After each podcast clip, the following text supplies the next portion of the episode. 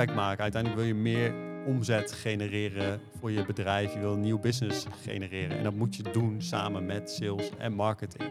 En het is dan handig als ze weten van wie focussen we ons allebei.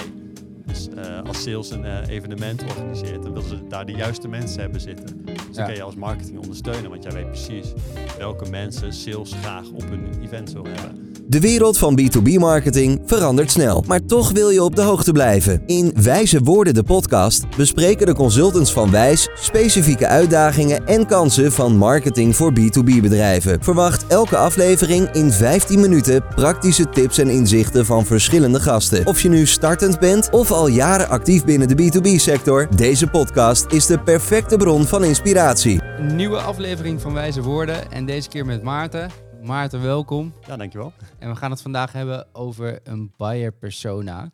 Eh, iets wat wij eh, veelal, eh, ja, waar we zelf mee te maken hebben, waar onze klanten mee te maken hebben, waar ze, we ze mee begeleiden, noem het maar op. Je kan er niet omheen. Nee, je kan er dus niet omheen. En ehm, daar gaan we het ook deze aflevering over hebben.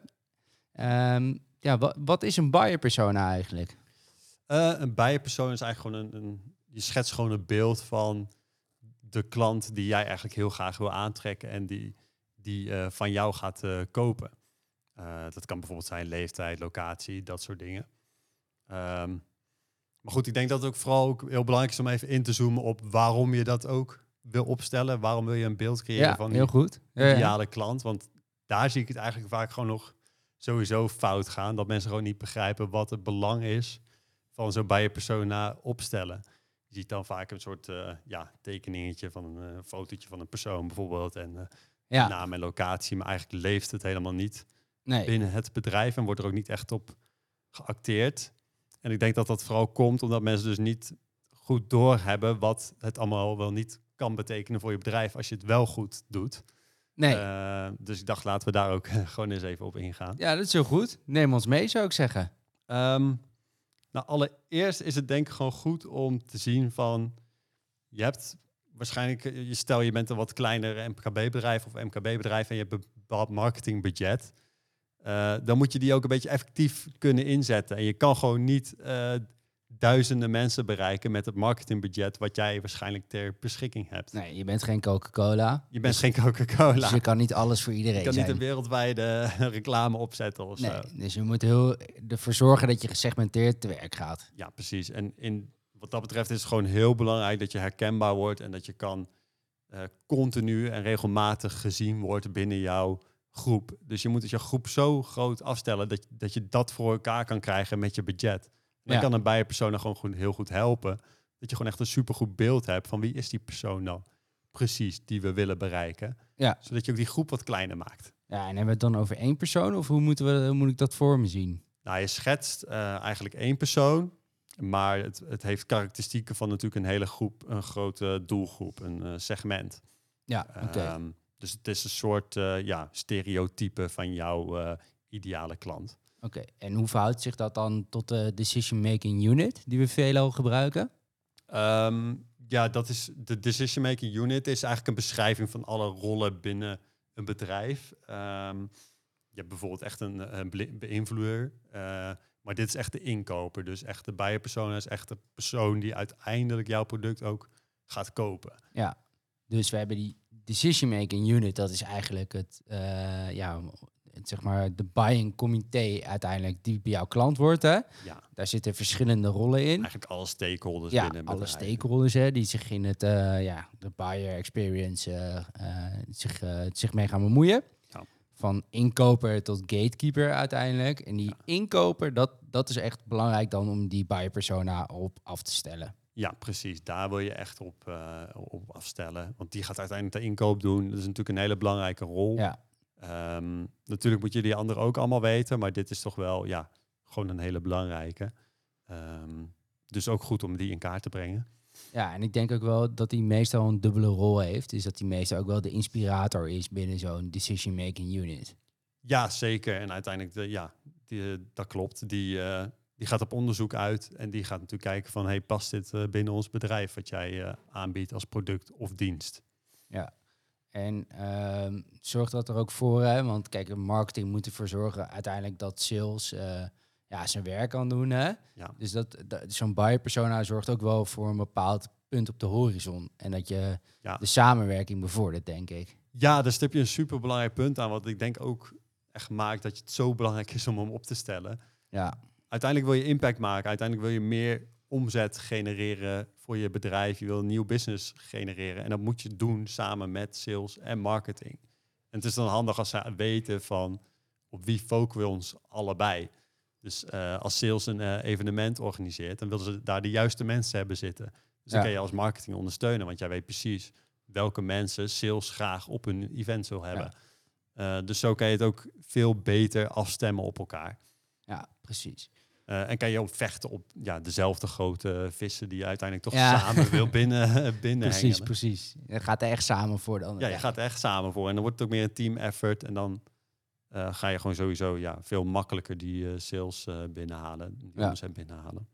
Hebben we het eh, waarom dan een beetje eh, Ja, we kunnen misschien nog wel één ding uitlichten. En Ja. waarom ik denk ook dat het gewoon super belangrijk is. En waarom het vaak ook nog wel een beetje wordt vergeten om te doen.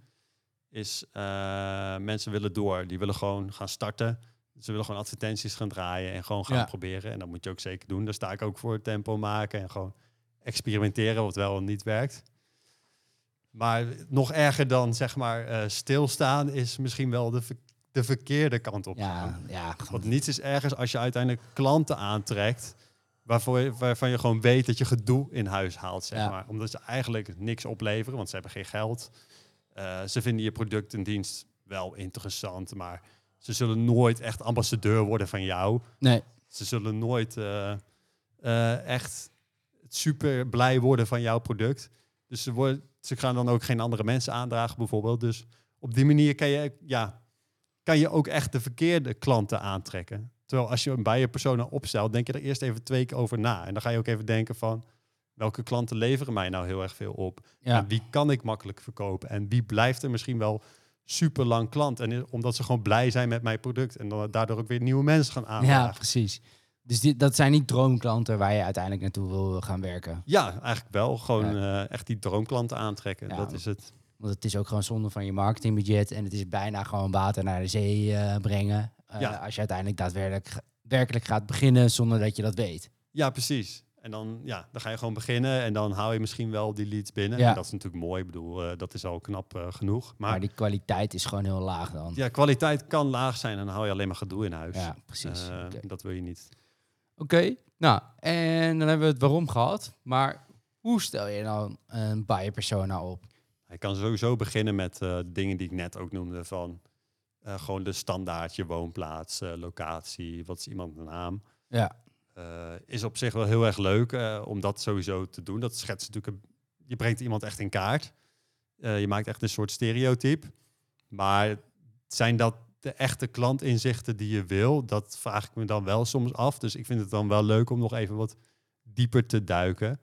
Dus ehm, om ook echt vast te stellen, wat zijn de behoeften? Wat zijn hun pijnpunten? ja precies. Ja. In welke context gebruikt een persoon jouw product? Ehm, op welke plekken kan je ze beïnvloeden? Dus zitten ze op LinkedIn of eh, wel- wat voor nieuws eh, lezen Ja, ze? Op welke platformen? überhaupt? Ja, Ja, eh, super belangrijk. maar bijvoorbeeld ook wat zijn kooptriggers? Wat zijn nou echt signalen dat mensen misschien wel willen gaan kopen? Ja. Dat kan bijvoorbeeld zijn als iemand wisselt van job in zijn. Ja. eh, dus hij gaat naar een ander bedrijf toe. En dat betekent vaak dat hij ook weer verandering teweeg wil brengen bij het bedrijf en vernieuwing wil brengen. Dus dat betekent misschien ook wel dat hij jouw product of dienst daarvoor nodig heeft. Ja. Dat soort dingen, dat soort dingen kan je gaan opzoeken om echt die klantinzichten te krijgen waar je dan ook weer op kan acteren. Dus als je bijvoorbeeld weet, eh, iemand switcht van baan en dat is een heel g- echt een indicatie dat mensen mijn product willen hebben, ehm, dan, dan kan je daarop inspelen door bijvoorbeeld daar een blog over te schrijven. Je eerste 90 dagen bij als marketeer bij een bedrijf bijvoorbeeld. Ik noem Ja. maar wat. Dan gaan mensen daar misschien wel op zoeken. Kan je dat weer delen op eh, advertenties, noem maar wat. Ja. Oké, eh, maar ik hoor, je moet eigenlijk best wel veel weten, hè? Voordat je hier echt goed mee aan de slag kan. Ehm, maar hoe moet men dan dat uiteindelijk gaan weten? Ga je dat opzoeken of moet je juist daar een beetje onderzoek naar gaan doen bij bestaande klanten, eh, ja, je potentiële klanten? Hoe haal je die informatie op dan? Ja, goeie. Eh, ligt natuurlijk een beetje aan inderdaad. Heb je, misschien heb je al een hele geschiedenis met eh, klantendata. Ja. Dan kun je natuurlijk daar gewoon kijken van wat, wat zijn op dit moment mijn goede klanten. Ja, en die kan je dan eens op een rijtje zetten en dan de karakteristieken is eruit halen van ja hoe precies. ziet die er Ja. nou precies uit. Kijk, als je startend bent, dan is het wat moeilijker. Dan kan je inderdaad door gewoon natuurlijk te researchen online.